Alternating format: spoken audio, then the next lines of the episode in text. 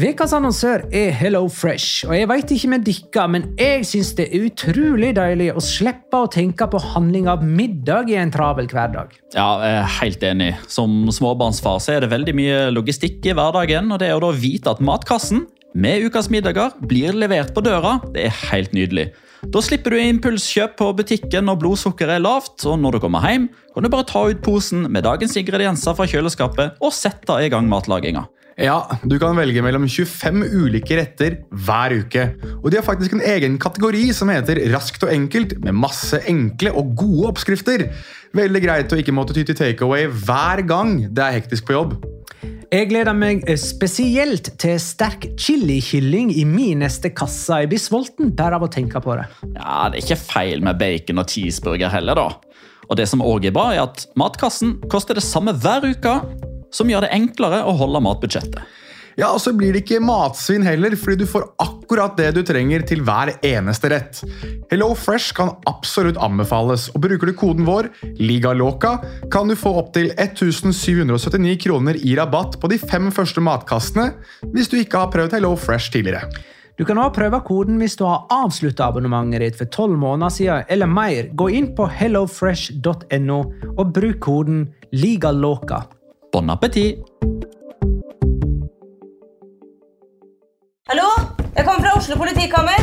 Ine Jansen er purk. Er du purk? The motherfucking bitch. Alt jeg vil, er å finne ut hva som skjedde med mannen min. Jon Carew. Er jeg sikta for noe? Iben Akeli. Det er du. Ole So, Lars Berrum og Big Daddy Karsten. Hvem sin side er du på, egentlig? Anette Hoff, Tone Danielsen, Kommer du fra Afrika? Jørnis Josef, Nesten. Kløfta. Trond Espen Seim. Det er synd å si det, men det var feil mann som døde. Purk. Premiere tirsdag på TV2 Play.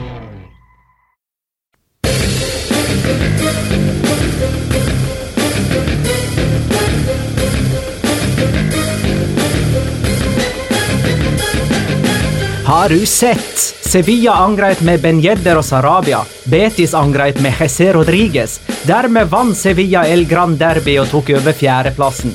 I nedrykksstriden er Girona så svake hjemme at til og med Villarreal vinner på Montelivi. Og Atletico vant mens Barcelona spilte uavgjort. Opphentingen er i gang! La liga loca. En litt gærnere fotball. Ja, ai, ai. ja. Dette er La Liga Loca episode 72 av Det ordinære slaget med Petter Wæland, hei. Hallo! Jonas Giæver, hei. Oi! Og Magnar Kvalvik, hei. Hallo, Magnar. Hvem fjerna min kaffekopp? Det Jeg. var nok Petter Hvem, hvem av de to koppene som er helt like, er min og din nå? De Det må jo nødvendigvis være den som er nærmest deg. Må det virkelig det? Yes, Ok, jeg men da har jeg fått uh, kaffekoppen min tilbake. Det var godt. Redaksjons, uh, redaksjonen her er ikke helt i orden, forstår jeg. Må du får your house in order. Harmonien er tilbake. Det er den. Nå med kaffen, altså. Ok, ja. Bra. Jo, nei, men uh, ellers, da. Ingen påskeferie for øyeblikket på oss. Eh, Nei, jeg reiser på onsdag Ja, jeg til Vestland, Vestland. Jeg òg. Ja. Skal du til Vestlandet? eh, Nei, jeg skal sikkert på trening eller noe sånt. Ja, på, på onsdag. lurt. Ja, jeg tenker, eh, tenker det er greit. Jeg spilte jo mediecup nå i helga. Du, jeg har en kollega som heter Endre. Lybekk, ja. Ja, og han, han- slo, han var med å slå deg og dikka 7-0. Ja, det var han. Eh, det var NTB, og du kan hilse han og si at de hadde Altså, De hadde jo sopa inn det som var av Allstar-spillere i MTB-redaksjonen. Altså, det, det var som å se på 92-laget til USA i basketball. Feigelag, er det det å si? Ja, det vil jeg påstå. Uh, meget feige lag. Jeg var som ei lausbikkje som løp etter eh, en plastikkpose jeg aldri fikk tak i. Det var grusomt, det var vondt, jeg hadde blodsmak i kjeften etterpå. Så jeg sto i mål de to andre kampene. Men de ga deg ikke ut i gruppespillet? de Ja, ja, ja, Vi tapte tre kamper aldri. Men uh, vi slapp ikke inn mer enn syv mål i en og samme kamp, og de to andre kampene så var det da Eirik Holtan jr., også kjent som Jonas Giæver, som sto i målet. Eller Erik Holtan, heter han. Men vi hadde, vi hadde jo en bitte liten, eh, om enn ikke diskusjon, så iallfall en, eh, en påstand og et form for svar på påstanden om at du var bedre enn Lukas Zidane til å stå i mål. Var du det? Jeg vil si at vi var jevngode, altså. Eh, vi, hadde, vi fikk vel et par skudd rett på oss begge to som gikk i mål til slutt. Eh, Og da du spilte ute, var du bedre enn Gabriel Paulista og uh, Diakaby? Ja, det tror jeg faktisk. Han var ikke skyld i målene ene og alene. Eh, kanskje én skåring eller noe sånt, men de har jo de har flere skåringer på samvittigheten enn det jeg hadde den kampen, for å si det sånn. Ja, ja. um, Hvor vil du begynne, Magnar? Vi, skal snakke om eh, Barcelonas eh, ti endringer i uh, startelveren. Vi skal også snakke om det faktum at det er bare tre poeng mellom fem lag fra 14. og ned til 17. plass i nedrykksstriden. Eh, og så skal vi også sette sammen en elver av spillere vi er ganske sikre på forsvinner fra sin nåværende klubb i løpet av sommeren. Den eh, var gøy. Ja. Hva vi bestemte oss for, var det sånn vi er 60% sikre på at denne spilleren forsvinner, eller hvilken prosent var de landet på? Jeg begynte jo på 80. Jeg tror ikke vi Ja, altså, vi, vi begynte jo med, eh, med liksom helt sikre, eh, så var det 80% så var vi nede på 60% men landa vi ikke på at når to av tre svarte ja? Var ikke det det vi til slutt Ja. landa på? Jo, så, og, og da blir det jo egentlig 67. 66,666. Ja. Ja. 66,6666 eh, prosent sikre er vi på at disse elleve spillerne forsvinner fra sin nåværende klubb i eh, La Liga. Den elveren setter vi opp etter hvert.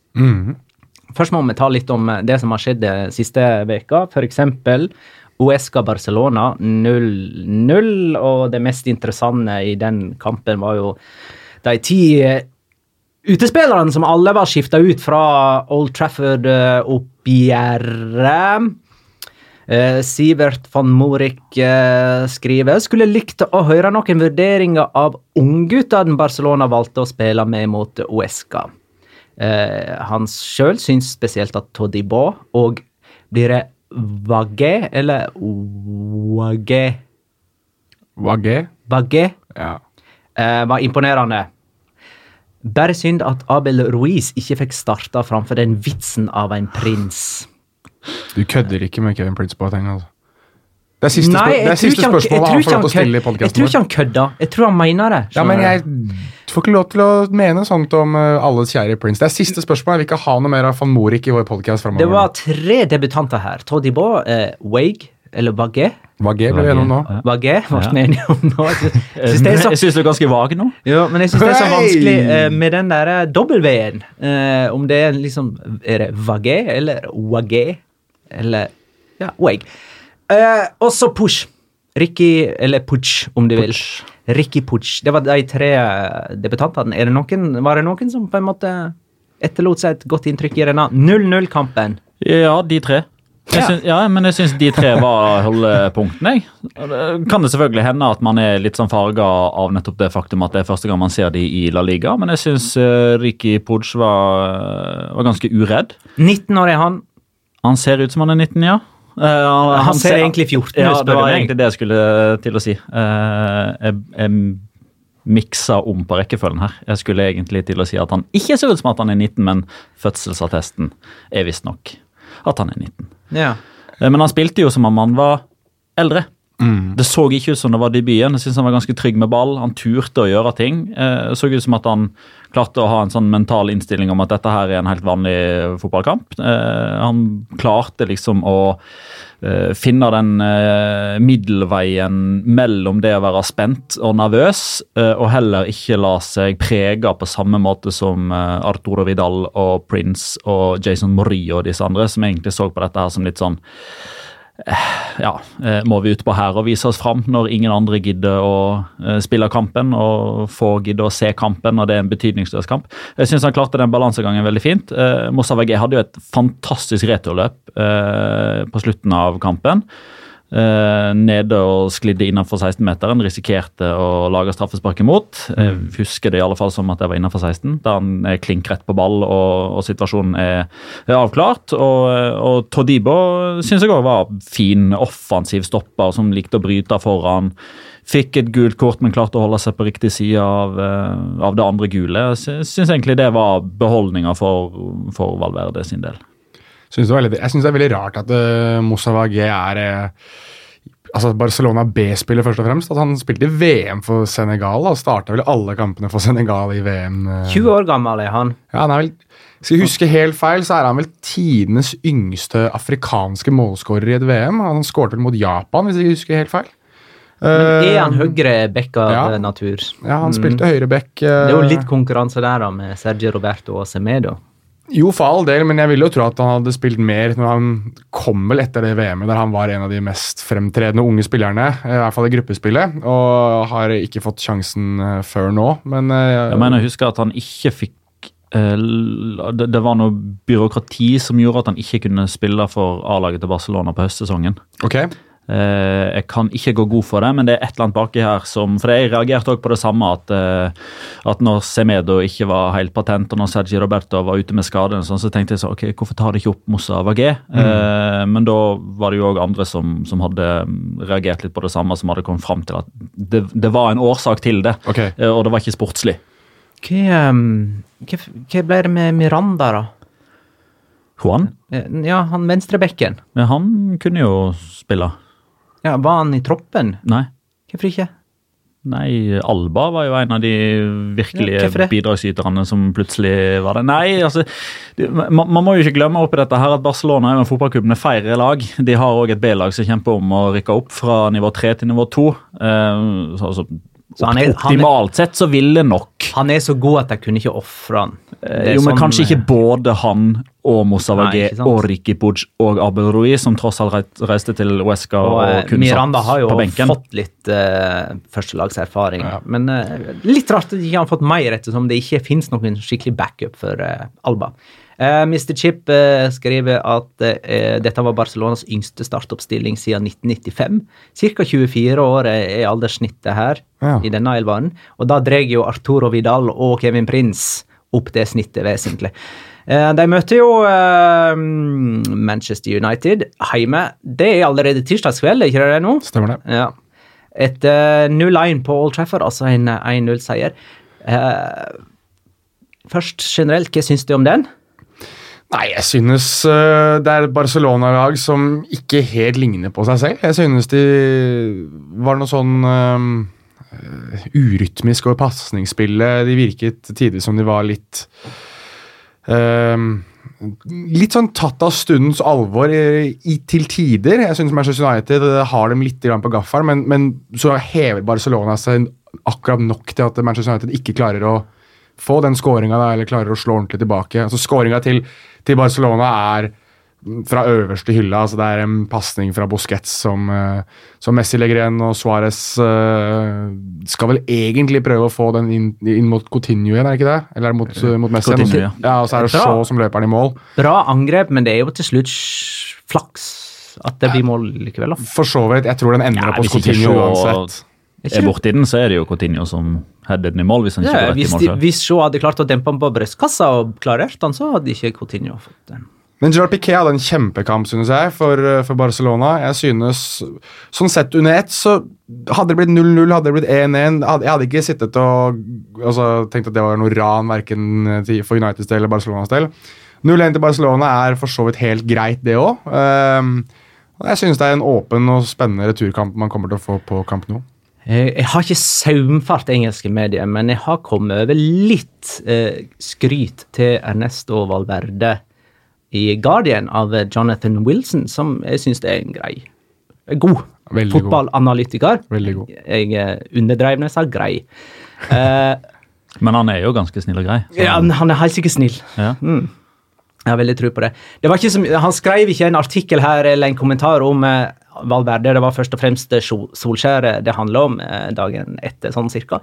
Eh, og da handla det mest om det at Solskjær må finne sin etter hvert finne sin egen vei å gå som trener, og ikke bare gjøre noe man eh, umiddelbart kan dra en Ferguson-parallell til. ikke sant? Han, har, han mener det at Solskjær har ikke helt frigjort seg fra, fra The Boss, som han jo alltid omtaler Ferguson som eh, fortsatt. Og at han kan hente inspirasjon fra sånne som f.eks. Pochettino, som jo var fan av Bielsa, men har gått videre og gjort ting på sin måte.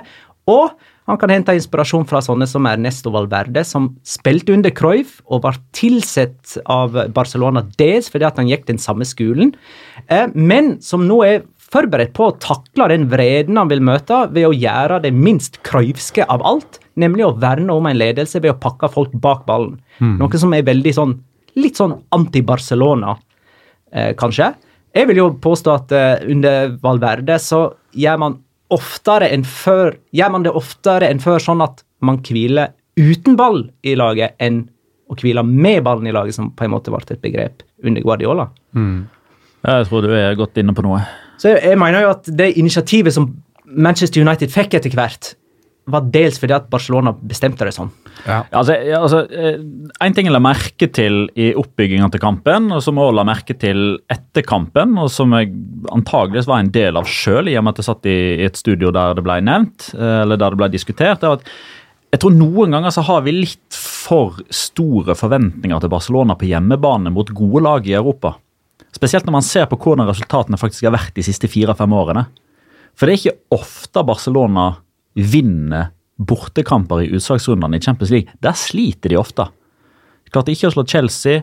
eh, De har uh, tapte 3-0 mot Roma. De spilte 0-0 mot Juventus. De tapte mot Atletico Madrid. Altså, Bortekampene i Europa for Barcelona sin del, når de begynner å dra seg til, har veldig ofte vært av en sånn karakter der de har spilt uavgjort eller tapt med et mål. Eh, noen ganger så har de klart å, å, å vunne, men det er hjemme på kamp nå at de har gått videre. Ja. Eller eh, jeg håper å si, imponert i såpass stor grad at de eksempelvis har klart å snu 0-4 til 6-5 sammenlagt mot PSG, som jo er det desidert håper jeg, Ja. worst case og best case-scenarioet. Og Og når, og når Barcelona da drar til Old Trafford og vinner der for første gang i sin historie, eh, skårer det målet de trenger for å få et resultat som de er superhappy med, og hindre Manchester United å skyte på mål i løpet av 90 minutter. Eh, det kunne vært enda større sjanser enn det Rashford og Dalot fikk til. Det er jo utgangspunktet større målsjanser enn hva det til slutt ble pga. dårlige avslutninger. Det blir jo uh, ingenting i statistikken. Det blir jo ikke skudd på mål engang. Nei, det, nei, det blir ikke det, men det, det, det burde ha blitt det. Eh, og, så hører jeg liksom veldig sånn i etterkant at dette var ikke bra, Barcelona. Vi hadde forventa bedre. og sånn. Det, det er jeg ikke enig i i det hele tatt. Jeg fikk følelsen gjennom 90 minutter at dette kontrollerte Barcelona. Ja, og da, og da, da syns jeg de har gjort en kjempekamp. Det jeg tror eh, som jeg sitter mest igjen med etter den kampen her, sånn for å gå tilbake til Valverde-poenget ditt, eh, Magnar, er at eh, en ting som jeg beundrer veldig med fotballtrenere nå, etter å ha sett mye fotball i veldig, veldig mange år, er måten å kunne eh, være såpass pragmatisk at du kan styre kampbildet litt etter det synet du ønsker, og samtidig det synet som er eh, mest betonelig for å si det på den måten, for ditt lag. Jeg husker George Jesus, hvis noen husker han, som trente Benfica. Oh, yeah. Trener vel Sporting nå, tror jeg. Eh, jeg kommer aldri til å glemme da han var på Old Trafford med Benfica-laget sitt for et par år siden. Da hadde han helt tydelig visse perioder i kampen der lagene skulle ligge dypt og slappe av, og så helt tydelig visse perioder i kampen der de skulle presse og trykke og virkelig kjøre United bakover. Jeg lurer på om ikke det endte 2-2. Eh, og, og da husker jeg at jeg, jeg tenkte veldig at det, det der var mester, et mesterverk i det å være en pragmatisk fotballtrener og skjønne hvilke, begrensninger du har i ditt lag, og hvilke begrensninger du kan spille på hos motstanderen. Og Det synes jeg Ernesto Valverde gjorde til punkt og prikke mot Manchester United. Og derfor ehm, Som sagt, jeg hadde, ikke, jeg hadde ikke Når du er inne på Rashford sin sjanse, Dalot sin sjanse Hadde det blitt 1-1, så hadde det, det også vært greit, for så vidt. Men at Barcelona har en 1-0-seier å gå på, på nå på kamp nå, det synes jeg egentlig er eh, greit fortjent, da, for å si det sånn. Og hviler altså alle utespillerne eh, i møte med OSK. Tapte to poeng på det, men hva betyr vel egentlig det når de fortsatt leder med ni? Eh, la Leo Loca spørre hvem starter mot United, Dembélé eller Coutinho? Nei, Nå er det vel dags for Dembélé, tror jeg.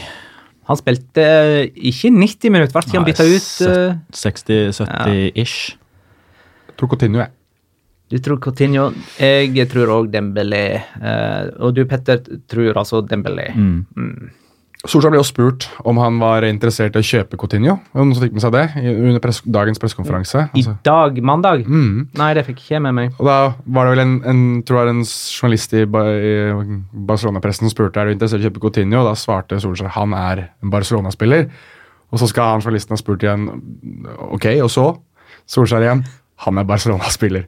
Så det kan jo fort være Vi skal jo sette opp et lag litt etterpå om spillere som kan forlate La Liga eller kan bytte klubber. og da har jo Solskjær i hvert fall ikke eh, avkreftet interessen. Vi har blitt enige om en elver på forhånd, men vi har ikke blitt enige om boble enda, som Nei, vi kan sette nettopp. på benken. Det er, der, eh, eh, hvis det, man... det er dit jeg skulle nå.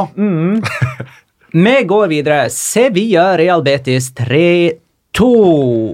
Sevilla Derby, eller El Gran Derby, i eh, den Hva er det Semana Semana Santa. Ja, det, det er liksom den Den hellige, uka. uka. Mm. Eh, den, det er jo palmehelg. Eh, eller, hva blir Heter det palmelørdag? Palmesøndag, iallfall. Ja, det- ja, men dette var en Ja, lørdag. det er, jo, jo, det er det palme... Ja, jeg er litt usikker. Det er vel, det er vel sånn, der, det er sånn eh, tog holdt jeg på å si, gjennom, eh, gjennom Ja, Sevilla det er sånn på- paradegreie. Ja, på. Eh, og da kunne ikke Real Betis gjøre sin greie. De, de pleier å ha en sånn type parade, eller sånn presentasjon. De viser seg fram for fansen før sånn derre Sevilla-derbys. Det kunne ikke de gjøre pga. den der. Oh, ja. Eh, men i alle fall eh, Monir, Sarabia og Vasques skåra for Sevilla. Lo Celso og Teyo for eh, Real Betis. Hey, her er en interessant fact.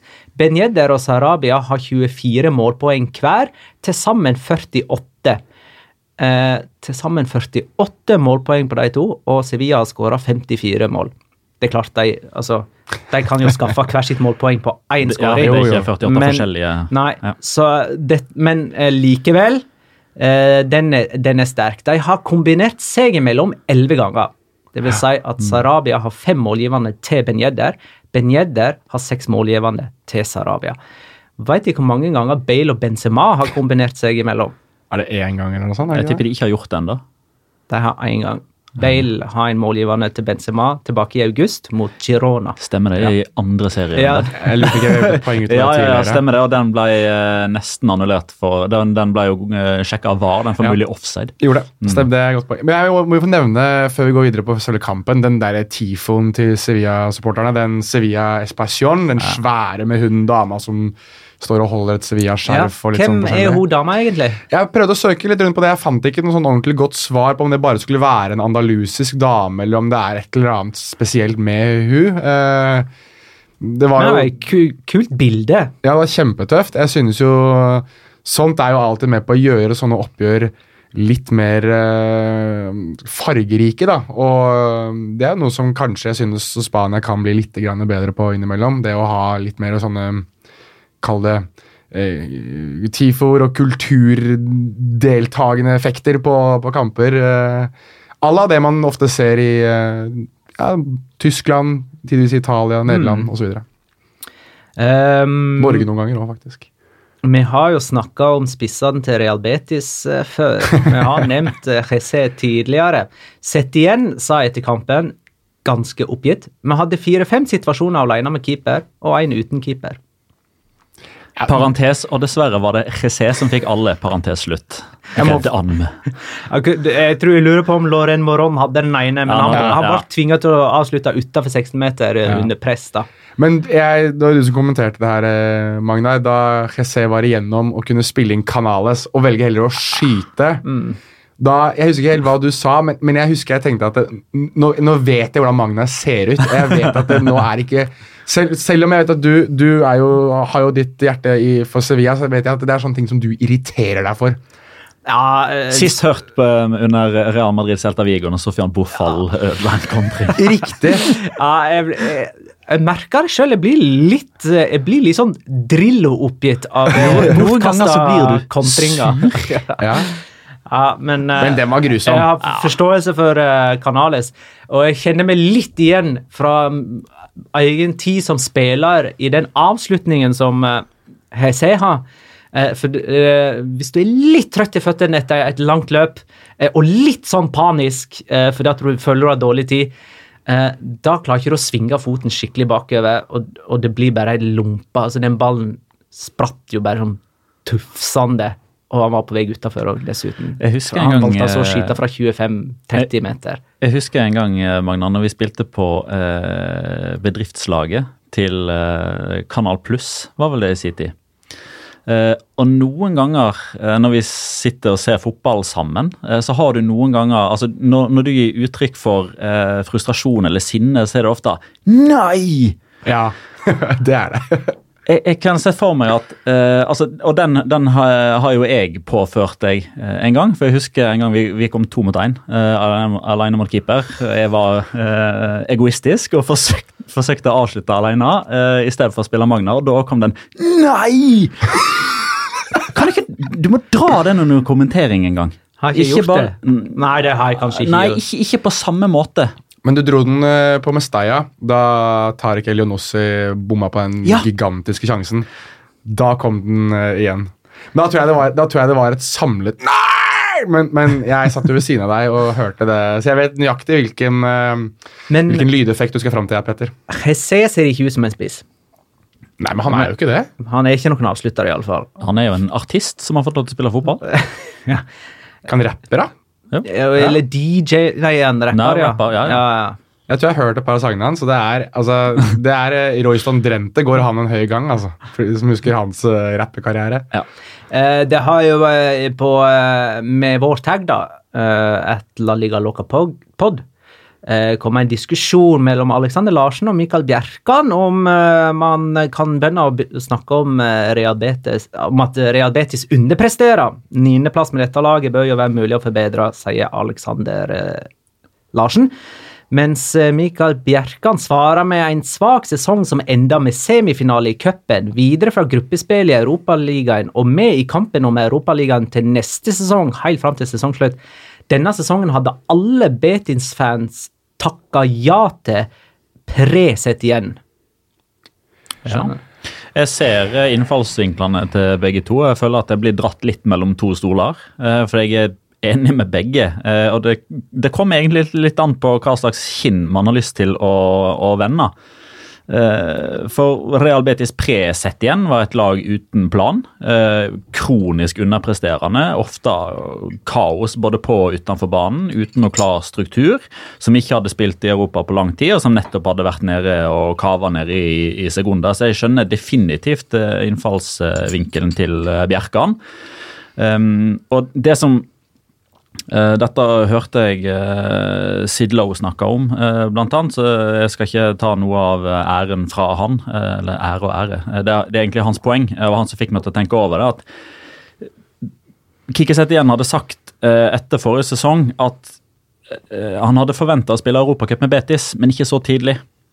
Eh, Som forrige sesong. Som forrige sesong. Eh, At de skulle ende topp seks forrige sesong, det var tidligere enn han hadde sett for seg.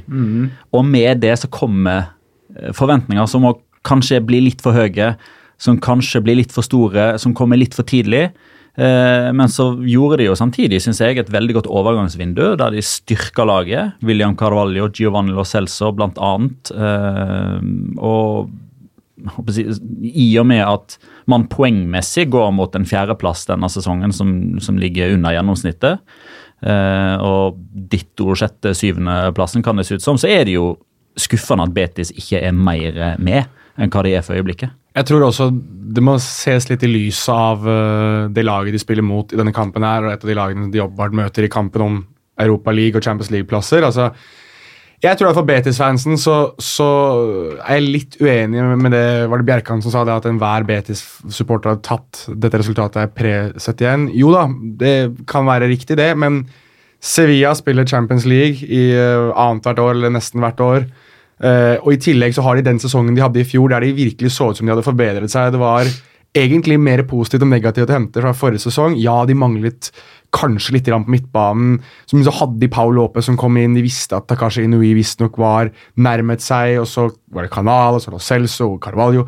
Det så jo ut som et lag man kunne snakke om som i hvert fall, i hvert fall, i hvert fall skulle ligge an til å kunne spille Champions League nå når det er da ja, Vi har spilt i to serierunder, da, så er det seks serierunder igjen. De skulle ligget fortsatt i en Champions League eh, Diskusjon. duell, en Ja. diskusjon, når det var så mye, når det var så mye å spille for. er det snakk om Det er ni poeng. Ni poeng. De er kommer, jo ikke å ikke til å gjøre det, og da mener jeg at jeg tror Betis-fans, når de ser Sevilla som ligger på fjerdeplass, og når de ser det overgangsrundet de hadde, og når de ser sesongen de hadde i fjor, så tror jeg, tror jeg majoriteten av Betis-fans er egentlig mer skuffa enn de er fornøyd. den Men eh, fra Setien sin ståsted da, så hadde han tenkt denne sesongen her uten Europa. Og at eh, Mm. den belastningen som da Europa League faktisk medførte, kan ha svekka dem. Og at han tenkte liksom at det når denne sommeren som kommer nå, at de skulle liksom ha den bredden som krevdes for å Og håndtere Ja, alle Ja, og så er det jo det, altså, Rekkefølgen tingene kommer i. Altså, det er jo liksom noe av det jeg syns er, er jeg si, både bra og dårlig. Jeg kaller det fascinerende. da, at Hadde Real Betis havna på niendeplass forrige sesong og sjetteplass denne sesongen, så hadde folk eh, snakka om Kikki igjen som Guds gave til Betis-fotballen og Europacupen-spill neste sesong. Men nå ble det sjetteplass i første sesongen og niendeplass nå, og folk snakker om eh, Setien VTA. Altså, Så brutal er altså fotballen. Altså, Men, bare, eh, bare se den sesongen her, da. Vi har, vi har jo snakket jo, bare vi som sitter her, snakket jo om Betis som et banebrytende lag som spilte med Barcelona-fotball enn Barcelona på høstparten av sesongen. Og nå må vi være såpass ærlige og, si, og, og enige og si om at eh, ja, Betis har faktisk underprestert. Men eh, han får nok en sesong til, det håper jeg iallfall. Og jeg er veldig spent på å, å se hvordan det blir. For det, det liksom den tredje sesongen, den, den er på en måte altavgjørende. Kalinic må inn. Herregud. Sevilla tok altså over fjerdeplassen. De har tatt 22 av 27 poeng til sammen i disse to redningsoperasjonene til Caparos. Det er ganske bra. Der snakkes det om at han uh, er keen på å ha den jobben permanent. Og Ja. Da kommer jo det poengsnittet til å flate ut. For da er det ikke noen nødløsning lenger. Nei. Da er ikke det sånn bare alle eh, å Men, men Laurent Blad. Har blitt nevnt i Paris. Oi.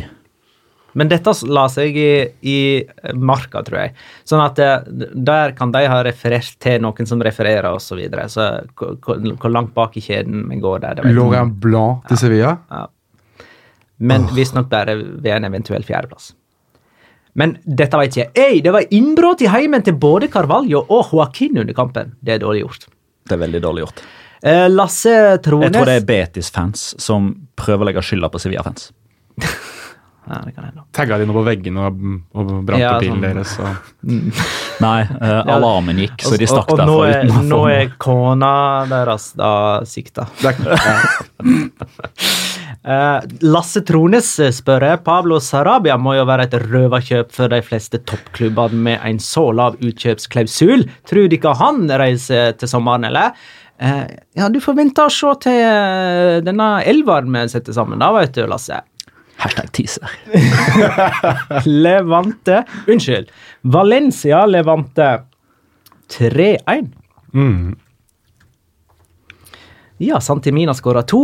Gonzalo Gedes 1 Carlos Soler skåra sjølmål. Det var det målet Levante fikk. Gedes er ikke i høst 2017-form. Han er mye bedre enn som så. Eh, seks mål på de siste åtte offisielle kampene for Valencia. Det er like mange som på sine første 59 offisielle kamper for Valencia. Nå er han god, altså. Um, ja, Valencia spiller jo bare i sin egen eh, region for tiden. De slo Villarreal på torsdag, de slo Levante på søndag og slår Villarreal på torsdag igjen. Og går da videre til semifinale i Europaligaen. Kan du hoppe på det? Uh, Chris Robin Eriksen skriver Carlos Soler. Syndebukk i det ene minuttet, helt i det neste. Assist på 2-1 og bra forarbeid på 3-1. Dette var altså etter selvmålet. Eh, Marcelino priser seg lykkelig over kveldskamp og tre poeng. Ja, men vet du, vet du hva? Uh, dette uh, Altså, i, i løpet av påsken nå så skal jeg sette meg ned og se på poengsnitt for Valencia under, under Marcelino Ja. før og etter kampstart 1830. Om man faktisk har et poeng om at ballen triller litt raskere etter 1830. Skal jeg spare deg for den jobben der? Har du gjort det? Hei! Nei, altså, det er um, litt faktasnacks uh, her nå.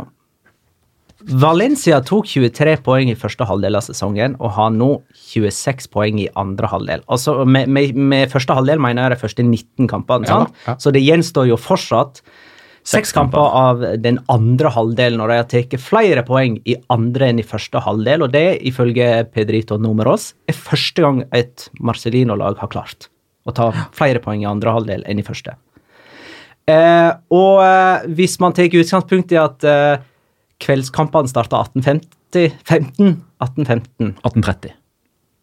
ja det, ja, det er 1615. Det er siste dagkamp. Ja. Ja. Sant? Så seks, eh, fram til og med 1615 er dagkamp. Ja. At fra, og, fra 1830 og ut er kveldskamp. Og i den første halvdelen av eh, sesongen så hadde Valencia 11 kamper før klokka 18, mot fem kamper i andre halvdel. Altså, ja, mm. Så der, eh, sant, det er en stor overvekt av dagtidskamper i den første halvdelen, der de tok færre poeng enn i, i den andre halvdelen av eh, sesongen. Eh, Men da har de altså til sammen spilt 16 dagtidskamper over hele sesongen. De har vunnet seks. Så hvor mange kamper har de vunnet på kvelden? Nei, Altså, Snakker vi bare La Liga nå? Ja, de har vunnet seks av 16 Ja, da har de bare fem, da. De har fem seire på kveldstid. ja. De har ni uavgjort på, eh, på dagtid. De har altså tatt 27 poeng på dagtid og 22 poeng på kveldstid. Myte! Og de har spilt like mange kamper på dagtid som kveldstid. 16 av hver. Myte drept der, altså. Hashtag Mythbuster Magnar. Ja. Eh, og bakgrunnen for dette, for de som ikke vet det, er at eh, Marcelino mener at det er en fordel å spille på kvelden for at ballen triller fortere på gresset. Ja, ja, I fullt alvor, har han sagt. ja, ja, han har sagt det i fullt alvor. Jakob Berge spør er Santimina og Gedes det beste spissparet for Valencia. Nei, jeg tror vi skal være litt forsiktige og For konkludere dette med var det. spissparet denne kvelden. Ja, Ja jeg tror vi skal være litt forsiktige med å konkludere etter at de skårer tre mål mot eh, La Ligas svakeste defensive lag. Men jeg tror det er greit å konkludere med at eh, i, når alt sammen klaffer, så er det ingen spiller Men jeg i hvert fall, ingen spiller i Valencia som er bedre enn Gonzalo Guedes. Ja, det er helt riktig. Og, og det aller beste, mener jeg, når alle spillerne er i toppform, den offensive La oss kalle det kvartetten, da. Altså Hvis du tar bort de to sentrale, som er Parejo og Ja, ja. enten Coquelin eller Condogbia, Kondogbia, så er det Carlos Soler på høyre, det er Gedes på venstre, det er Rodrigo Moreno og Santimina på topp. Og det, Du får meg ikke til å foretrekke Gamero uh, over Santimina med tanke på toppnivå. Null sjanse. Jeg kan godt være med deg på det. Men jeg synes uh, det er litt gøy at uh, Gonzalo Geders nå har da høstformen fra forrige sesong har han tatt med inn i vårparten nå denne sesongen. Uh, og det er så gøy å se på. Han, Uh, han er jo et angrep alene da han kommer fossende nedover den venstre sida si. Og det er jo, Du kan nesten høre at Levante-spillerne hyler om hjelp, hjelp, hjelp fra medspillere. Vi må doble og triple det som er for å stoppe han når han holder på. Han er eh, Nei, jeg synes det er um, Men han skåra jo mål fra kant og som spiss, og så hvorfor kaste vekk en spissplass på han, liksom, når han kan mm. være i midtbaneledd og skåre derifra? Du har litt mer defensiv sikkerhet kanskje bakover, da. Jeg tror akkurat det der Med denne eller uten han på midtbaneleddet? Nei, med, hvis du har ham som spiss, så kan du kanskje dytte inn en litt mer eh, Ja, okay. ok. defensiv uh, Ja. Cherishev, Vass, et eller annet sånt noe. Ja, men er Cherishev som innmari god defensivt, da? Ikke det det man ja, eh, han, han, han løper mye. Han springer mye. Ja, han dekker mye rom. Han er, han er, han er, altså, okay, en, han- en, en ting Cherishev er veldig flink til. eh, det er ikke noe som er på topp tre, topp fem, kanskje topp ti lista over egenskaper en trener setter høyt, men Dennis Che- bare legg merke til det. Hvis dere kjeder dere noen gang, legg merke til det. Den er kjedesjef. måten han alltid leder bekken sin utover, som gjør at Gaia kan komme tett oppi sin, eh, sin kant, altså sin motspiller, for å få spillet vekk fra farlig område, ut på kant. Der er det få som slår Chedishev. Altså, komme seg på riktig side, ta returløpene og lede spillet utover. Og det er det Marcelino vil. Han er god til å dekke mye rom. Ja. Tenk om han spilte på lag med Karim Benzema, som kunne skapt alt det rommet, og så kunne han bare dekket rommet Ja, etterpå. de har jo vært lagkamerater, De de. har det. Rykket av cupen. Ja, ja, ja. Levante var Valencia-regionens beste lag til og med i runde 18.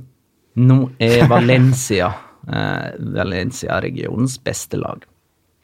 Jeg har tatt med én kamp til i eh, kampen om fjerdeplassen. Det er Valladolid Getafe 2-2. Og tenk, hvis du hadde sagt dette her før sesongen, at i midten av april så kommer Valladolid Retafe til å inneholde et lag som er involvert i fjerdeplassen. Jeg tror ikke det hadde vært unison enighet om hvilket lag det hadde vært av de to. Nei, nei, Det hadde nei. vært en overvekt. Sånn, ja, Jo, jo, men det hvis vi liksom- da visste at Ronaldo skulle ha aksjemajoriteten i Valladolid, Ja, så hadde vi trodd det var Ja, Valladolid. for Venicius hadde kommet på lån, og ja, ja. Jeg ser den. Eh, men dette her er jo en eneste lang eh, locora, egentlig. Hele kampen, ja. Eh, hele kampen. Eh, Arambarri sin skåring eh, fra 30 meter er en locora. Han hatt, han har to skåringer for at Begge er sånn. Ja. Fra hundre og helvete ville jeg kalt det porsløst. Eh, eh, Guardiola sin balleutligning er en locora. Er det noen som har den locoraen? At det første balleskåring i La Liga siden Bakambo. Er det noen som har Locora fra denne kampen? Uh. Eh, nei, men Nei, jeg har jo ikke det, men jeg håper at noen har den. Ja, jeg tror vi Valladolid- svir han av nå, er det. For eh, Valdo- det, er, det er på en måte min backup Lokora, Locora, dette her. Uh, en annen Locora i denne kampen er at Valladolid skåra på straffe. For det skal Ja. de jo egentlig ikke gjøre heller. Ja, det var, og, og det var jo attpåtil mot den keeperen i La Liga som har redda flest straffer tidligere denne sesongen, David Ja. Soria. Ja. Eh, og så er det jo Locora at Molina skåra på straffe og utligna da for Chetaffe eh, seks minutter på overtid når det er lagt til fem minutter.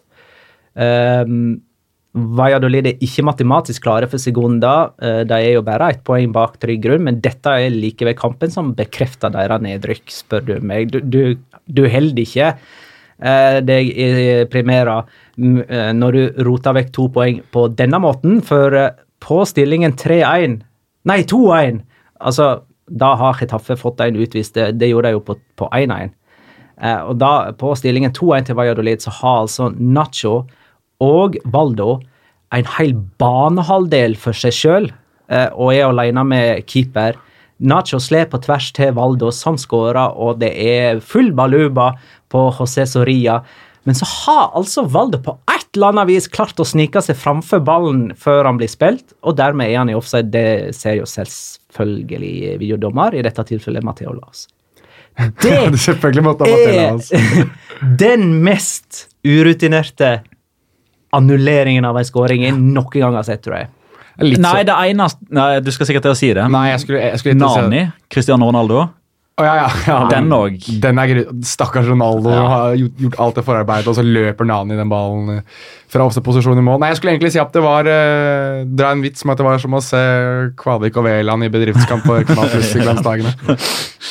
Ja, altså I tillegg så er det det. Altså, dette er jo andre kamp av tre siste nå. At uh, Valladolid taper poeng i 96.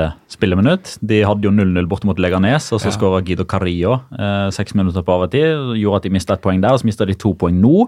Uh, og det er jo også, uh, Altså, er det ett lag denne sesongen som har vært hysterisk eh, på dommeravgjørelser og litt sånn, så er det jo òg Valladolid. Eh, Kiko Olivas eh, som fikk en skåring eh, annullert av VAR her forrige helg, var det vel? Altså forrige serierunde, der de òg endte opp med å tape poeng mot Sevilla på stillinga 0-0, hvis jeg ikke husker helt feil. Eh, og så kommer den straffesituasjonen med Oscar Plano. Uh, som i et forsøk på å klarere da, i stedet Ja, sparke mm. Ogodoro under, under, under foten. Og hadde ikke maleriet Skrik fantes før denne kampen, så hadde Oscar Plano vært eh, motivet for eh, et Skrik-maleri. For det ansiktsuttrykket hans når han skjønner at det er blåst den veien, og ikke den Priceless. Stakkars, han var jo Han grein eh, gråt godt og gråt og etter den kampen her. Getafe ga fra seg fjerdeplassen. Fikk Antoni skada i et halvt år. Samt karantene på to andre backer, Damian og Olivera. De møter altså Sevilla i neste runde. Og, det, og den eh, suspensjonen til Damian Suárez den bringer jo med seg en litt funny story. Uh, fordi det er jo en situasjon uh, etter ca. 70 minutter der han og Waldo uh, er i klammeri med hverandre. Ja, ja. Dommer smekker gult kort til begge to. Uh, men så oppstår det en situasjon der Retafe øyner et håp. Oi! Ok, nå, nå har vi håp om at Damian Suárez allikevel kan få spille denne kampen mot, eh, mot Sevilla kommende helg. Fordi i kamprapporten Eh, Så Det fungerer sånn at det er rullegardin. Eh, altså Du må inn i eh, systemet, og så må du dobbeltklikke på den og den spilleren som har fått gult kort. Det er det dommeren må gjøre. Det, det må dommeren gjøre i den offisielle kamprapporten, som alltid gjøres på stadion før han forlater arenaen. Det som har skjedd da, er at I denne situasjonen her så har eh, dommer Martinez Monoera dobbeltklikka på Nemanja Maksimovic. I denne situasjonen. Så I den offisielle dommerrapporten så er det Maksimovic som står med kortet. Eh, Den er jo offentliggjort. Det begynner å skrives. Eh, Retafe eh, har da allerede gått i gang med arbeidet, satt i gang sine advokater. Dette skal de klage på, for Nemanja Maksimovic var, var ikke involvert i situasjonen i det hele tatt. Så her øyner de et håp om at eh, Maksimovic skulle få trukket fra dette kortet, og at Damian Suárez eh, gikk fri. Men det som òg er tvisten her, er at eh, dommeren har en frist på 24 timer etter kampslutt til å endre dommerrapporten. Ah. Og av alle disse skriveriene her, så får jo både forbund og dommer visshet om at oi, her har vi gjort en feil. Så de var inne og endra. Så nå står Dam Damian Suárez igjen med kort og er suspendert. Ok, Om litt skal vi snakke om nedrykksstriden, og så uh, sette sammen våre elver, og vi har runden spiller og Locora igjen. Nei, det er masse som står igjen, faktisk. Så uh, ja, om litt. La oss begynne med uh, Øy, Girona Villarreal. Det var jo Det er to lag som er involvert i nedrykksstriden, begge to. Eh, og Chukwese ble matchvinner for Villarreal. Han er jo for Villarreal, det er Aspas er for Celta Vigo, det er Messi er for Barcelona, og det er Maradona var for Argentina i 1986. Girona er altså så ræva hjemme. Elleve heimekamper uten seire. Er det november? Oktober. Oktober sist de vant en heimekamp. De har nå fire strake tap. Det er det verst tenkelige tidspunktet å ha den verst tenkelige formen på. Det er ja, Om ikke jeg allerede hadde erklært Valladolid eh, med, så hadde jeg satt en knapp på Girona. Ja, Vi satt vel her og diskuterte i egentlig en annen anledning. Eh, så kom vi inn på dette her om, eh, med, med Girona. For For meg, og, meg, og Magnar, nei, meg og Jonas satt og sammenligna kampprogrammet til Sevilla og Valencia. Ja. Og så ja, Girona, Sevilla Ja, Girona er på hjemmebane. Altså, men da kom vi jo fram til at eh, dersom eh, Wanda Metropolitano er et fort så må jo måtte livet være sånn der hoppeslott eh, som blir eh, satt opp utafor tivoli og litt sånn. Altså, der får man ikke kalde grøss når man Fest går for ned, altså. alle unger som kommer på besøk. Ja. altså Spesielt 19-åringer fra Nigeria. Liker ja, ikke sant? De er Reals Maradona, må ikke Eh, Men, men det som også er et faktum er at av de seks seriekampene som, eh, som Girona har igjen for, altså Hvis man ikke sjekker statistikk, altså hvis man er semi-interessert i spansk fotball, så skal man gå inn og se ah, Kult. Uh, race om å unngå 18.-plassen. La oss gå inn og se litt på gjenværende oppgjør. Så tenker man oi, Girona har fire av seks bortekamper igjen. Det er jo ikke bra. Det er jo bra! Det er, Det er jo bra. in Vi har disguise, to som de sier. kanonviktige kamper på bortebane de to neste serierundene mot Celta og Valladolid. Tapper jeg, vet du. Og apropos Celta, som òg er med i nedrykksstriden, de tapte 2-0 på Wanda Metropolitano. Apropos Ja. Wanda Metropolitano. Altså, Atletico vant 2-0. Griezmann skåra sitt tredje frisparkmål denne sesongen. Morata skåra sitt femte mål på ti seriekamper for Atletico etter gjennomspill av Griezmann. Spilte Aspas for Celta? Nei! Uh, jeg skulle først eh, bare nevne at uh, høydepunktet i kampen var dobbeltredningen til Jan Oblak. Eh, for en keeper. Eh, men eh, Celta Vigo uten Aspas er jo helt sjanseløse. Mm. Ja. Men, det er, men dette er jo en sånn type kamp som det er greit at de er litt sjanseløse i òg, for jeg tror ikke de hadde hatt noe Nei, det kan sånn. godt hende de tapt uansett. Det tror jeg. Men uh, vi snakket jo om det i stad også, ja, Petter, før du kom. uh, Vi rakk å snakke om ganske mye i dag, for Magna kom for seint. Vi gjorde det. Men uh, nå sier jeg det. Vi har snakket om det før, men jeg legger huet på blokka, og så får alle angripe meg, at Che Guevara på Twitter. David De Gea er ikke lenger verdens beste keeper. Det er Jan Oblak. Og de var David De Gea verdens beste Ja, keeper. han, har å, han har begynt å falle litt sammen nå den sesongen Forrige sesong så syns jeg han eh, la en veldig god aksjer for å være det. Ja, han, har, han, altså, da han sleit i første halvdel under United-sesongen med Mourinho, så syns jeg han hadde en liten sånn oppstandelse igjen med Solskjær, bl.a. mot Tottenham, og du så det at det, der, eh, det var litt grann De Gea-takt igjen, og så har han falt litt sammen. Men Oblak har vært stabilt god hele veien, men det er sånne kamper som det her som virkelig bare stadfester og understreker hvorfor han er verdens beste keeper. Og Petter kalte han vel for Oblaktopus eller noe sånt nå i stad. Altså, det det syns jeg er en ganske, ganske godt, uh, godt navn på han. Han, han spilte jo helsvart, så det, min, det, minnet meg jo om disse gamle historiene jeg leste om Lev Yashin, som ble kalt Den svarte panter, blant annet. Fordi han spilte i uh, Hadde han svarte hansker òg? Det tror jeg han hadde, Det faktisk. tror jeg jo, ja, faktisk. Ja. Eh, jeg pleier å si at de tre beste er Oblak, De Gea og Ter Stegen i random rekkefølge. Ja, jeg har Oblak å- eh, på første. Men, men kan, jeg, kan jeg ta en annen litt morsom stat? Ja. Eh, fordi en annen som hakkekylling, i hvert fall eh, for min del, eller kanskje litt her innimellom, har jo vært Morata.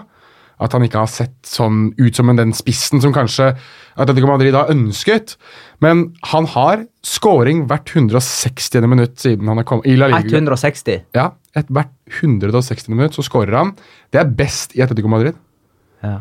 Det er- er annenhver kant, da. Og ja, fem, mm. fem mål på ti kamper. Ja. Ja.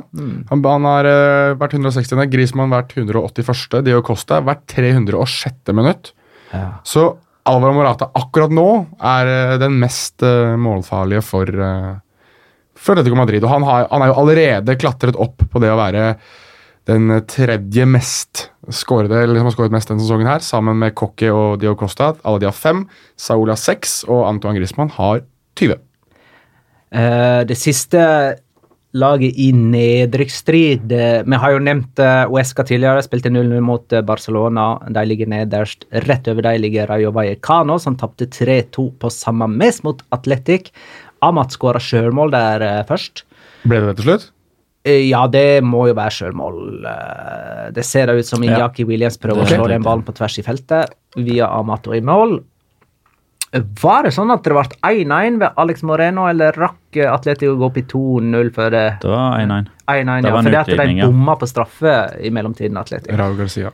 Ja. Og så skåra Williams igjen, og Raúl Garcia for Raúl de Tomas skåra nok en gang for Rayo. Men 3-2 altså til Atletic. Ehm, ja, det betyr at Paco Hemes og Rayo er i knipe. Det er fem poeng opp til trygg grunn for deres del.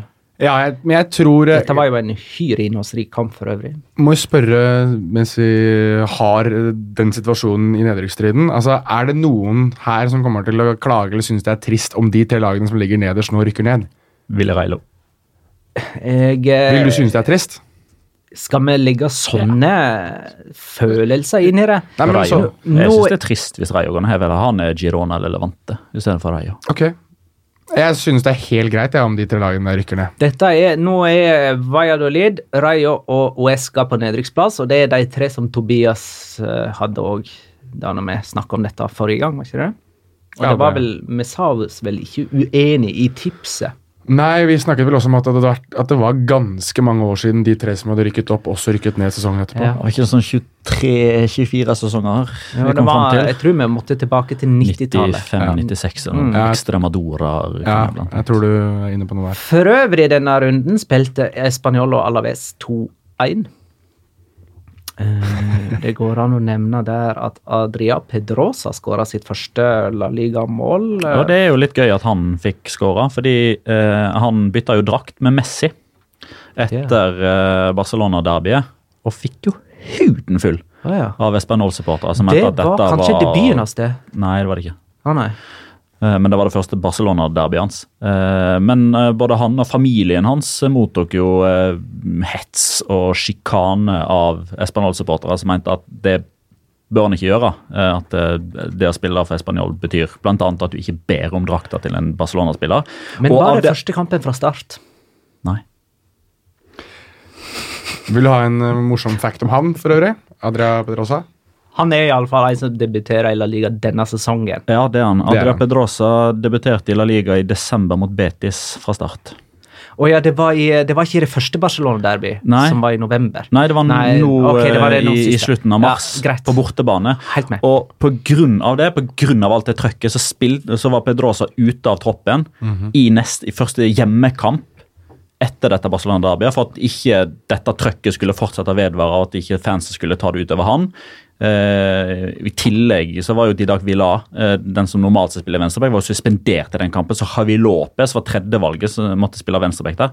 Og så er jo dette første gangen han spiller på hjemmebane etter denne situasjonen, og han kvitterer ut med scoring. Ja, det var interessant. Ja.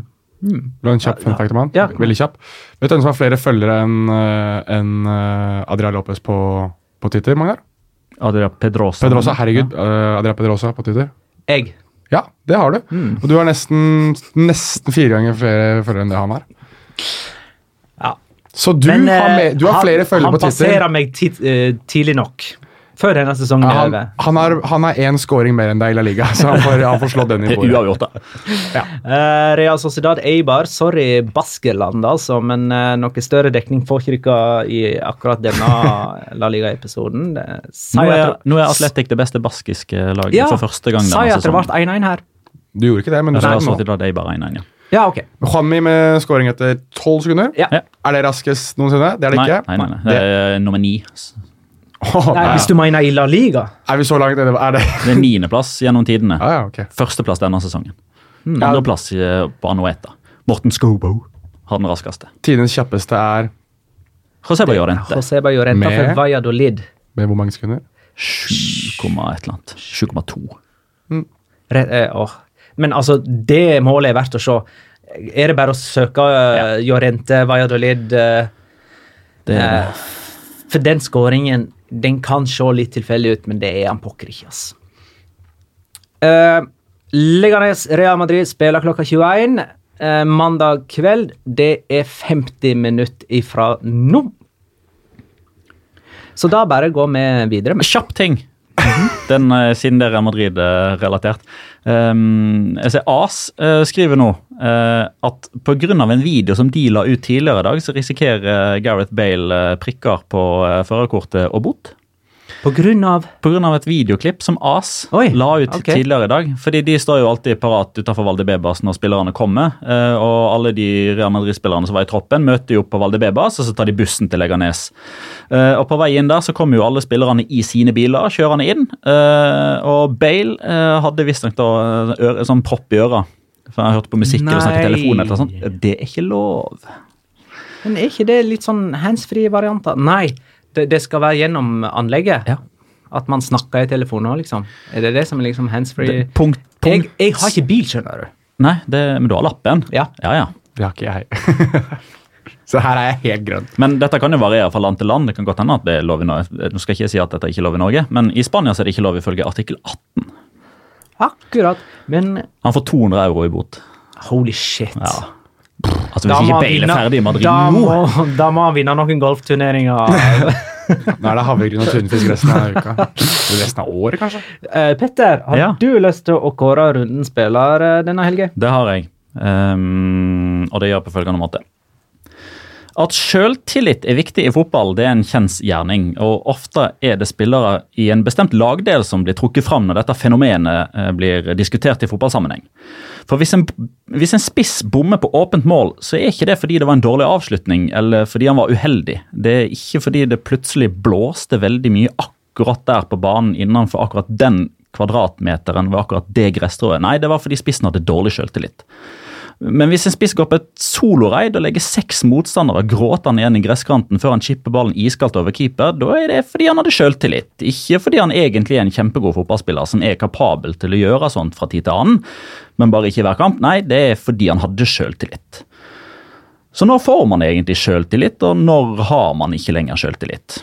Jeg har ikke peiling, men skal man tro de vitende, så endrer det seg akkurat idet ei lærkule passerer målstreken. Det er forskjellen på selvtillit og ikke selvtillit. Og for akkurat denne spissen så er det kanskje grunn til å tro på teorien, om enn på et noe tynt grunnlag. Fordi superenkel forskning viser nemlig at denne spissen ikke er kapabel til å skåre kun ett mål i en fotballkamp. Denne sesongen så går han nemlig enten måles av banen, som han har gjort ved 31 anledninger, eller så skårer han to mål. Aldri kun ett. Ebro har kjent hans doble vrede. Young Boys har kjent hans doble vrede. Uh, unnskyld for den. Rayo Vallecano har kjent hans doble vrede. Sporting Gijon har kjent hans doble vrede. Og søndag kveld så kjente òg Levante hans doble vrede. Den første skåringen kom allerede etter to minutter spill, og da visste alle, absolutt alle, at med 88 minutter igjen av fotballkampen, så ville skåring nummer to komme. Og den kom. Sjøltilliten hans fortalte han nemlig at en lagkamerat kom til å treffe innsida av stolpen, så det var egentlig bare å plassere seg foran det tomme buret, så ville ballen trille rolig og enkelt bort til han. Alt han behøvde å gjøre, var å unngå å stå i offside, og det gjorde han. For det hadde nemlig sjøltilliten hans fortalt han at han måtte unngå. Så da ble han tomålsskårer igjen, da. For femte gang denne sesongen. Skåring i fem kamper, dobbel i alle. Det er ikke Jerry, det er ikke Fantasy, det er ikke land, men Santi, tomålsskårer, ketsjup-effekt sjøltillitskongedobbel, Mina, som er rundens spiller. Gratulerer og lykke til, Santi Mina. Det går jo bra når det det ikke er jeg som kårer han, da. Som regel. Lykke til. Jeg syns det er så gøy at du, må, at du må ønske lykke til hver gang det er du som eh, kårer rundens spiller. Men eh, godt å se at Santimina har da de enkeltkampene sine i, eh, i året som eh, tilsynelatende klarer å, å fortelle oss hva som er selvtillit, eller god selvtillit og dårlig selvtillit. da. Eh, Det var for øvrig mange som, nordmenn på Spania-tur denne helga. Eh, Var det mer enn vanlig. Vi har fått mange eh, videoer og bilder fra følgere. Tore, som kaller seg at EJ Goat. Antagelig en Viking-fan. Eh, har sendt oss den videoen Å uh, oh, ja, Peter EJ. Jeg tenkte Ja. sånn EJ. Altså, jeg Nei, tenkte, EJ er jo et, eh, et Ja, ja. Jeg tror Jegeren har EJ som, i vikingdrakt som avatar på Twitter. Da regner jeg med at han er EJ-fan. Har sendt oss en videoen under Sevilla-hymnen for uh, avspark i Sevilla Derby. Eh, og så Håkon eh, tok et bilde med en bocadillo på Benito Via Marin. En ydmyk bocadillo, Ja. til og med. Eh, under damen Sevilla-derby, for det ble jo spilt eh, ja. eh, Real Betis Sevilla på Benito Via Marin noen timer før herren spilte på Ramón Sánchez Pijuan. Um, eh, vent da, eh, Jonas Andersen var med der òg, så det ut til. Og så var antagelig Jonas Lindgren på RCDE-stadion. Jonas Giæver var på Nadderud, han. Ja. Marius Bratli var på Mestalla for Valencia Derby. Så det var en ganske mange spredt rundt omkring på, på de litt mer alternative stadionene, hvis Nordmenn man regner de tre største som eh, de vanlige stadionene. Det er kult. Skal vi ta og eh, sette sammen denne elveren vår, eller? Ja, vi kan jo prøve på det. Vi vil prøve å sette sammen en elver av spillere vi er ganske sikre på ikke spiller for nåværende klubb til neste sesong. Og da tror jeg vi inkluderer òg nåværende klubb vedkommende er utlånt fra. Ja. Så her, her, her kommer det. Kelo Navas i mål. Ja. Ja, enten han eller Courtois forsvinner. ja, altså det, Altså, det kan ikke være begge. Vi Og vi regner det størst sannsynlig at Navas forsvinner fra ja, vi endte jo opp med Navas mest fordi Courtois er ny, og fordi at han er det mest sexy navnet. Litt sånn og- prestisjekjøp for, for mindre et år siden, ikke Ja, sant? men uh, there can only be one, er vel det vi endte opp eh, med. Ja, Det skal ikke være noen tvil om hvem som er førstekeeper neste sesong. Det har Zinedine Zidane sagt. Ja, da er det jo there can only be one. Eh, på høyre back Mercado for Sevilla. Venstre back Filipe Luis Atletico Madrid. Og midtstoppere Godin Atletico Madrid og Vallejo Real Madrid. Det er Madrid-basert uh, fire av de fem bakerste her. Skal vi fise videre, eller skal vi begrunne Jeg kan jo bare skyte Felipe og Godin er ganske klare. ikke Ja, det? utgående Med utgående kontrakt, kontrakt, og og- Godin sterkt linka til Inter. Og, Ja. Der snakket jo Giuseppe Marotta snakket jo senest i dag om at de eh, er nærmer seg å signere Godin. Ja, det som er mest interessant, her er kanskje Jesus Vallejo, som jeg hadde forhåpninger til denne sesongen, Ja. og som var kjempegod på utlån i hva er det? Frankfurt. Frankfurt Ja. uh, for et par sesonger siden. Så, og da var Ja, han 1920. Ja, og kaptein i Real Saragossa, altså 19-åring og fast invitert på Spania U21, ble jo sett på som en blanding av Hierro og Puyol. Og jeg, han, må på en måte videre. han må videre. Eh, Han må bort fra Real Madrid. Han må, og det er ikke nødvendigvis bare fordi han ikke blir satsa på, men, men han må komme seg ut av den vonde sirkelen som han er inne i, med skadeproblemer hver gang ja. han er i ferd med å liksom, få muligheten til å spille. For han hadde jo vært en av de som hadde nytt veldig godt av at Real Madrid har en fiaskosesong med mange ubetydelige kamper på slutten av sesongen, men han kommer til å få veldig lite fordi eh, alle de skadene som han har hatt tidligere, har gjort at han har nesten, ikke fått kamptrening. Og, eh, og i og med at de allerede har henta Eder Militao, eh, de har Sergio Ramos der fra før av, Varan eh, Nacho, da er det Vallejo som er bakerst i den køen, og han må bort for å få spilletid. Ja, og merk at Var eh, Varan ikke er i, i denne forsvarslinja. Nei, det er han ikke. Han var vurdert, vi, vi diskuterte han også, men uh, vi er jo enige i at eh, det, det utkrystalliserte seg enda mer da Eder Militao ble bekreftet. Og eh, For å gå litt videre på det laget, altså Mercado han begynner å bli såpass gammel og såpass sliten, tror jeg. Og, jeg, og Det har blitt en tendens til det at søramerikanske spillere, veldig ofte argentinere, bestemmer seg for å dra hjem tidligere i karrieren sin. Nå har han sikkert uh, klart å spille seg inn på uh, Jeg tipper han kommer i hvert fall med i troppen til Lionel Scaloni for Copa America med Argentina. Og uh, skal sikkert gi det en, et siste mesterskap og prøve å vinne om Argentina. Så jeg, jeg forestiller meg at han drar hjem etter det mesterskapet her og gir seg på det argentinske landslaget samtidig. Han var jo bare et pennestrøk unna Villarreal i januar, i og med at han er på utgående kontrakt. Der ser du. Ja, Midtbanetrio. Ja. Går litt imot det jeg sa om å dra hjem, men det er greit. Ja. Midtbanetrio. Nei, men han, han var. Altså, han, han er ikke aktuell nå lenger. Men midtbane Midtbanetrio.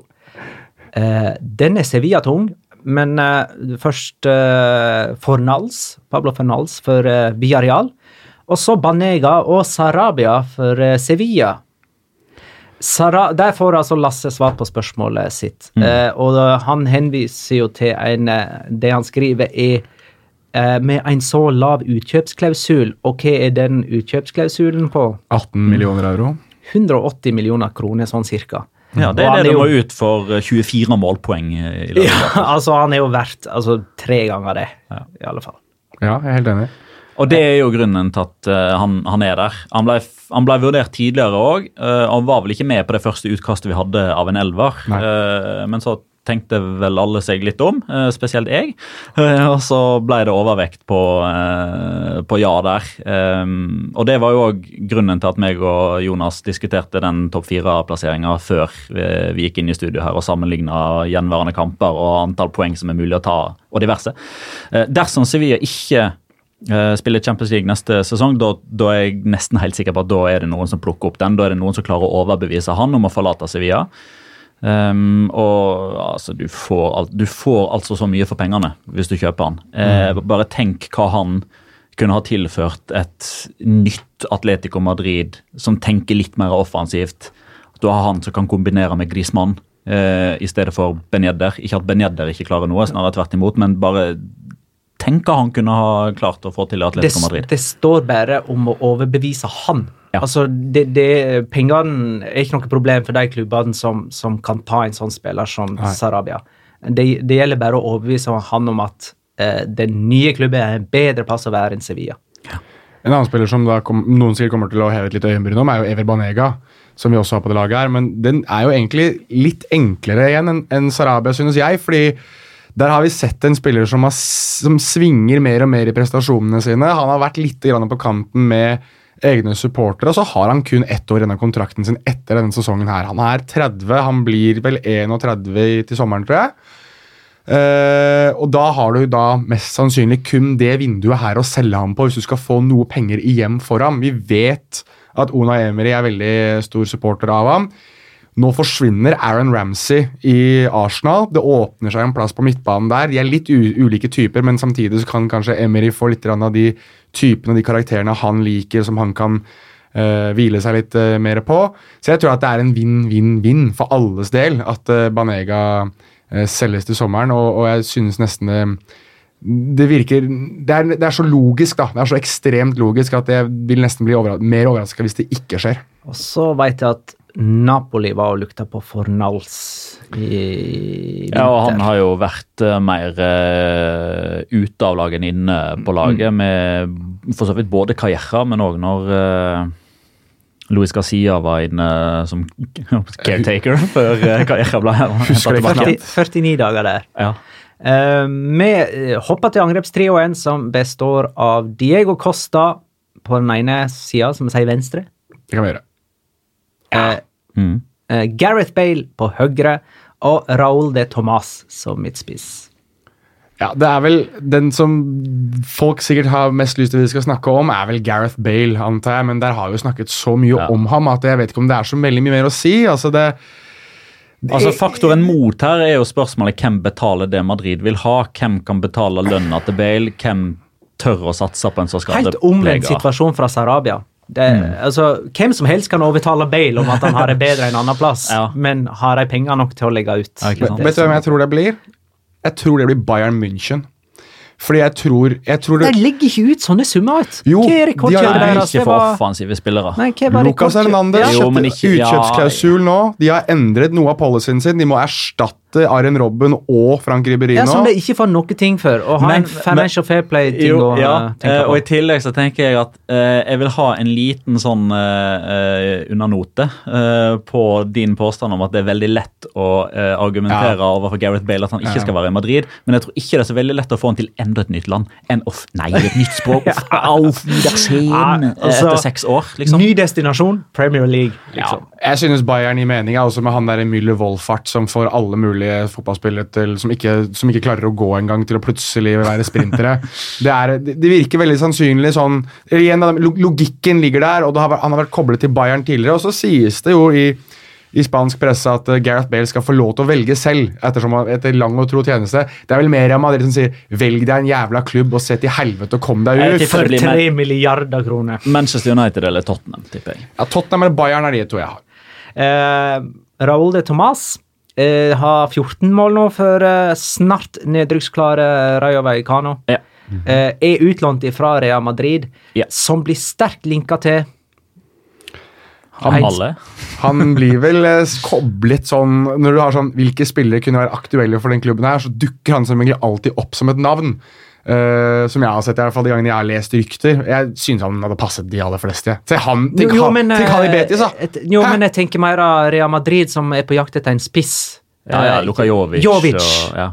Å ja, du skulle faktisk ha koblet inn, ja? Ja, okay, for det, at sorry. det, det er ikke sånn for eh, Raúl de Tomàs at eh, hvis han eh, går tilbake til Real Madrid, så er han liksom bare backupen til, til Benzema. Nei, det er Der- der kan Mariano fort, allerede. eh, Ja, ikke sant. Og, og Jovic kan ha kommet inn Ja. i løpet av sommeren. ikke sant? Så at det, han blir så langt bak i den rekka der at vi tror ikke at han går tilbake til Real Madrid. Nei, nei, nei, sånn nei. Eh, og er jo ferdig på lån Ja, hos og, Real, og Real Madrid skrev jo ny kontrakt med Raúl de Tomàs sommeren 2018 for at de skulle være i en god forhandlingsposisjon sommeren 2019 etter en sesong i La Liga der han fikk prøvd seg på det øverste nivået i Spania, og det har han jo levert over all forventning. Men skal vi gi han det tipset, da? Gå til eh, Real Betis? Altså, Se for deg han i Betis. Da, med, nå er jo Lo Celso er kanskje en vi skal diskutere litt nå etterpå, men hvis de klarer på en eller annen måte å få beholde han, da, og de har Sergio Canales, og du har Raúl Tomàs foran der og gud hjelpe meg. Eh, da skal jeg love deg at eh, hadde jeg ikke eh, hatt et lag i La Liga, og skulle jeg sette meg ned og bestemme meg for at 2019-2020-sesongen, da skal jeg se mye La Liga, da skal jeg velge meg ett lag å følge, da hadde jeg valgt meg Real Betis, og så hadde jeg takket meg selv etter den sesongen. Eh, det er jo Costa skal til Kina. Det er bare å si meg. Skal vi ta disse boblene bare sånn kjapt? Coutinho. Eh, Coutinho må inn i bobla. Varan, Varan har vi nevnt i bobla. Sillesen Sildesen er i bobla. Og så nevnte du nettopp Lo Celso. Los Lo Celso, ja. Så vi kjører han inn i bobla.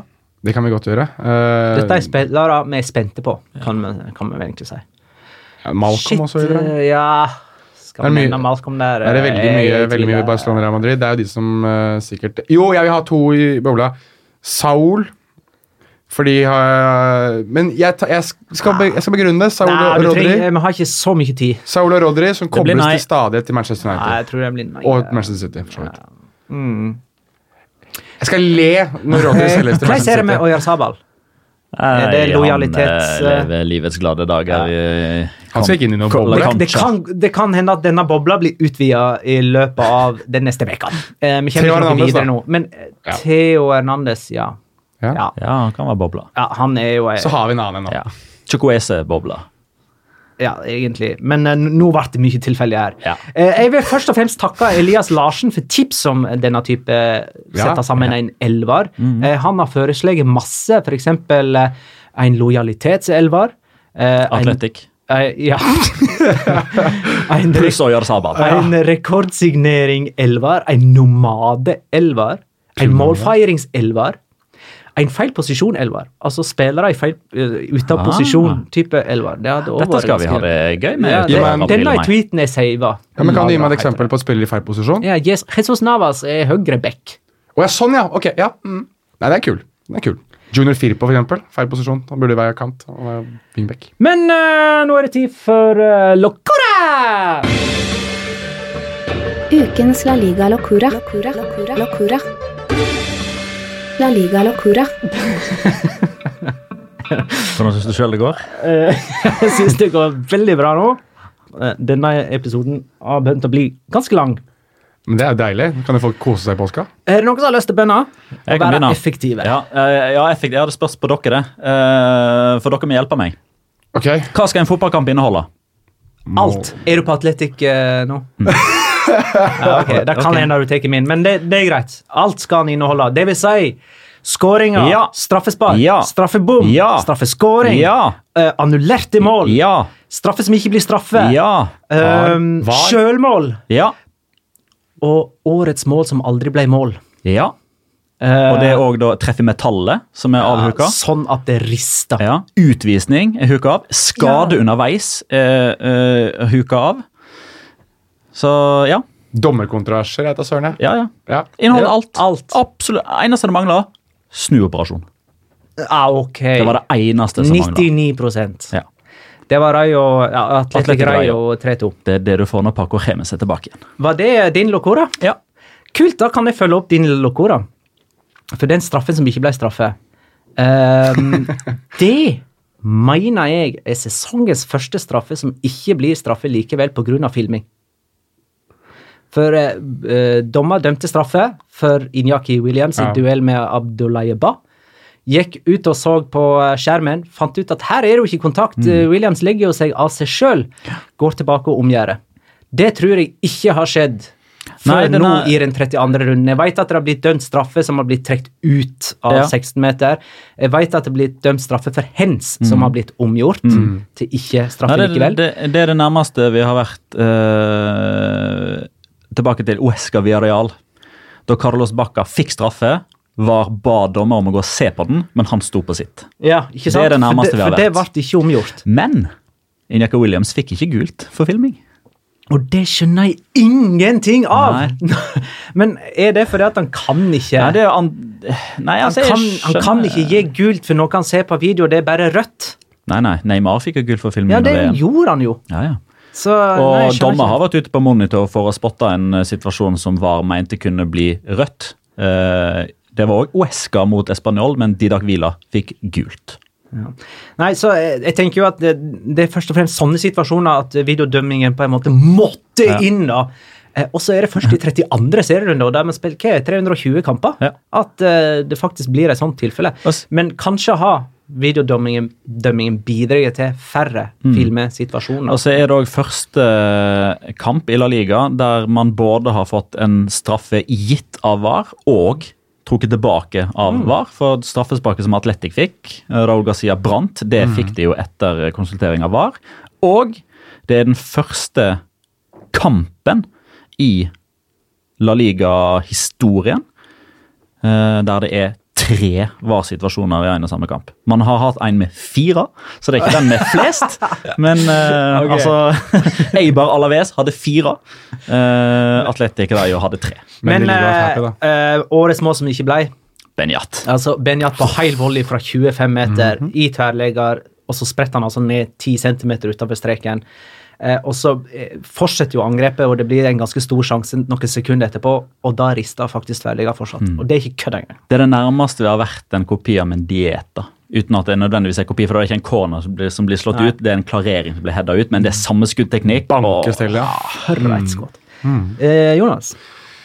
Nei, jeg valgte å kalle min eh, locora for allegria denne gangen her, altså glede. Fordi eh, vi har hatt i fotballen den siste, siste par ukene så har det vært veldig mye eh, rasismesaker i England og Italia. Det har vært veldig mye kontroverser som eh, har ikke rasisme i fotball.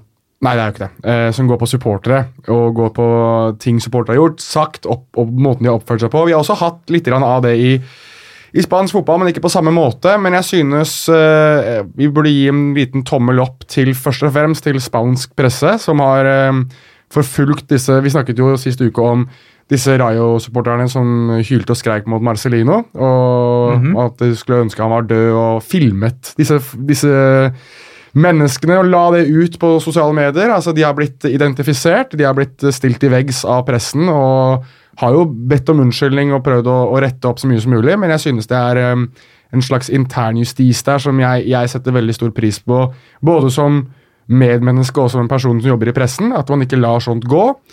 Men um, den virkelige allegriaen, det som virkelig ga meg glede, var det som skjedde. Vi nevnte jo at det var en uh, Grand Derby for kvinnene på Benito Villamarin mellom Betis og, og Sevilla.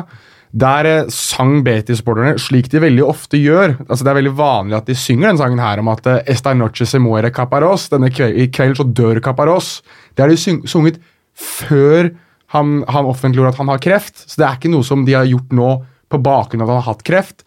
Men denne sangen ble også sunget av en gruppe med Betis-supportere på, eh, under denne kampen her. Og da skal majoriteten av supporterne til eh, Betis har snudd seg og sagt at det slutter dere med nå. Det driter dere i. Og Det ble visstnok også rop, ropt over megafonanlegget altså for den som hadde styrte supporterne. At det, det der det holder dere opp med nå. Det der skal ikke vi ha noen ting av. Og vi har snakket mye om hvor betent dette derbyet er mellom Sevilla og Betis, men det gir meg da en glede, alegria, at i en sådan stund hvor noe så viktig rammer fotballen, ikke bare én klubb, men fotballen generelt, så står man sammen selv eh, når to lag skal egentlig hate hverandre som pesten. I forlengelse av det, ikke like grovt, men Dani Parejo han hadde jo også stått, når han ble bytta ut, så hadde han stått på benken eh, på sidelinja, og så hadde noen Valencia-supportere begynt å synge A segunda oe til Levante, og da hadde han bedt de om å hei, hei. Ja, stemmer det, sånn, så jeg. sånn synger vi ikke her. Mm. Ja. Ehm, det var en ting Jo, eh, Real Betis og Sevilla har jo opplevd dødsfall i sine kamptropper, eller kampstaller, ganske nylig, med Antonio Puerta og Miki Roque. Jeg trodde det kanskje hadde forent seg litt gjennom, i sorgen der, og at det kanskje er litt eh, derfor den indre justisen òg oppstår i dette tilfellet. da. Eh, tipping Åh, gud, Jeg må være såpass ærlig og si at jeg, jeg øynet en fempoenger Er ikke fempoenger, det ville vært trepoenger, da. Med 3-2. Jeg hadde jo 4-2. Ja, Sevilla Rehabetis var vår forrige kamp. 3-2 endte den. Monir, eh, førstemålsskårer, den hadde ingen, altså. Petter hadde 2-2 med Lo Celso som førstemålsskårer. Det er null poeng, du står på 23. Magnar, altså jeg, hadde 2-1 med Sarabia som første målskårer. Det gir ett poeng. Da har jeg jo 23. Jonas hadde 4-2 med Ben Jedder som første målskårer. Eh, Ett poeng og 15 du, eh, Jonas, var faktisk den eneste som ikke traff med målskårer i det hele tatt. Hva tenker du på? Eh, altså, Los Celso og Sarabia skåra nå, i det minste. Å, ja, sånn, ja. Ja, ja, ja. ja, men, ja, ja, ja, eh, men altså, du, det, det, du får like mange poeng som jeg likevel, da. Eh, neste runde er jo ganske bajas, da, med f.eks. Betis Valencia, eh, Real Madrid Athletic eh, og Getafe Sevilla. Og så har du òg eh, rene nedrykkskamper. Celta Vigo Girona. Så hva sier vi? Bare bestem, du. Så til Jeg- Girona, så er det liksom 1-0 Jago Aspas. Det er jo sånn det blir. Det, altså for Han spiller jo den kampen, så alle kommer til å ha Jago Aspas som første målskårer i, i en Ja, Celta-kamp. alle kommer til å ha heimeseier og Iago Aspas som første målskårer, så det går ikke. Vi stryker den. Nei, jeg er egentlig litt spent på Real Madrid Athletic. Det er ikke, det er ikke åpenbart der. Nei. Eh, og så Getafe Sevilla, ren duell om eh, Jeg synes fjerdeplassen. det, det er den aller feteste. Det er jo det. jeg, Getafe Sevilla. Men nå har vi hatt mye Sevilla i det siste. altså. Ja, har det, har det, har det. Svaret ja. Svaret ja. Svaret ja. Nei, men da tar vi Real Madrid Atletic, da. Er ikke det like greit? Trumfe gjennom, så Jo, eh, og, og har jeg ment at, uh, at Atletic har ikke gitt helt opp den uh, fjerdeplassen. De er seks poeng bak, da. Det blir masse å spille for, Så- så det. de Ja, altså, er de på syvendeplassen, og Ja. det, alt tyder på at det kommer til å gi League Ja. denne sesongen òg. Og der er det jo bare poenget framfor Alaves. Og, så der er det litt å kjempe om. Og neste gang så kan vi jo snakke litt om Real Madrid igjen. Eh, Ja. det, nå har vi skippa de to episoder på rad. Spiller jo mandagskamper, det er ikke noe viktig lag lenger, de nå. Ok, eh, hvem er det som begynner da? da? Jeg hadde jo flest poeng i siste runde, da. Ja. Så er det jeg som er først, da? Ja. Eh, nei, men da sier jeg faktisk eh, 2-2. Det var det jeg tenkte å si. Eh, Vrinsket som en liten skolejente, Petter Wæland. Da sier jeg Nei, jeg, jeg tar Raúl Garcia. Han har ikke, han har ikke karantene eller noe sånt, sant? Det har jeg ikke sjekket. Nei, han har ikke det. 2-1 Williams. 2-1 til Real Madrid. Mm. Jonas? 0-2. 0-2, faktisk. Og ja, jeg må si Williams, jeg òg. Ja, da er det i boks. All right, nei, men det var en fin, lang kveld. Nå skal vi hjem til Shoria Madrid eh, Leganes, eller omvendt. Eh, jeg takker for alle spørsmål og innspill. Alle som har liket oss på iTunes og lagt igjen positive kommentarer der. Fortsett med det. Takk for at du lytta, kjære lytter. God påske. God påske. Vi er tilbake andre påskedag. Feliz Pascua. Ha det, da.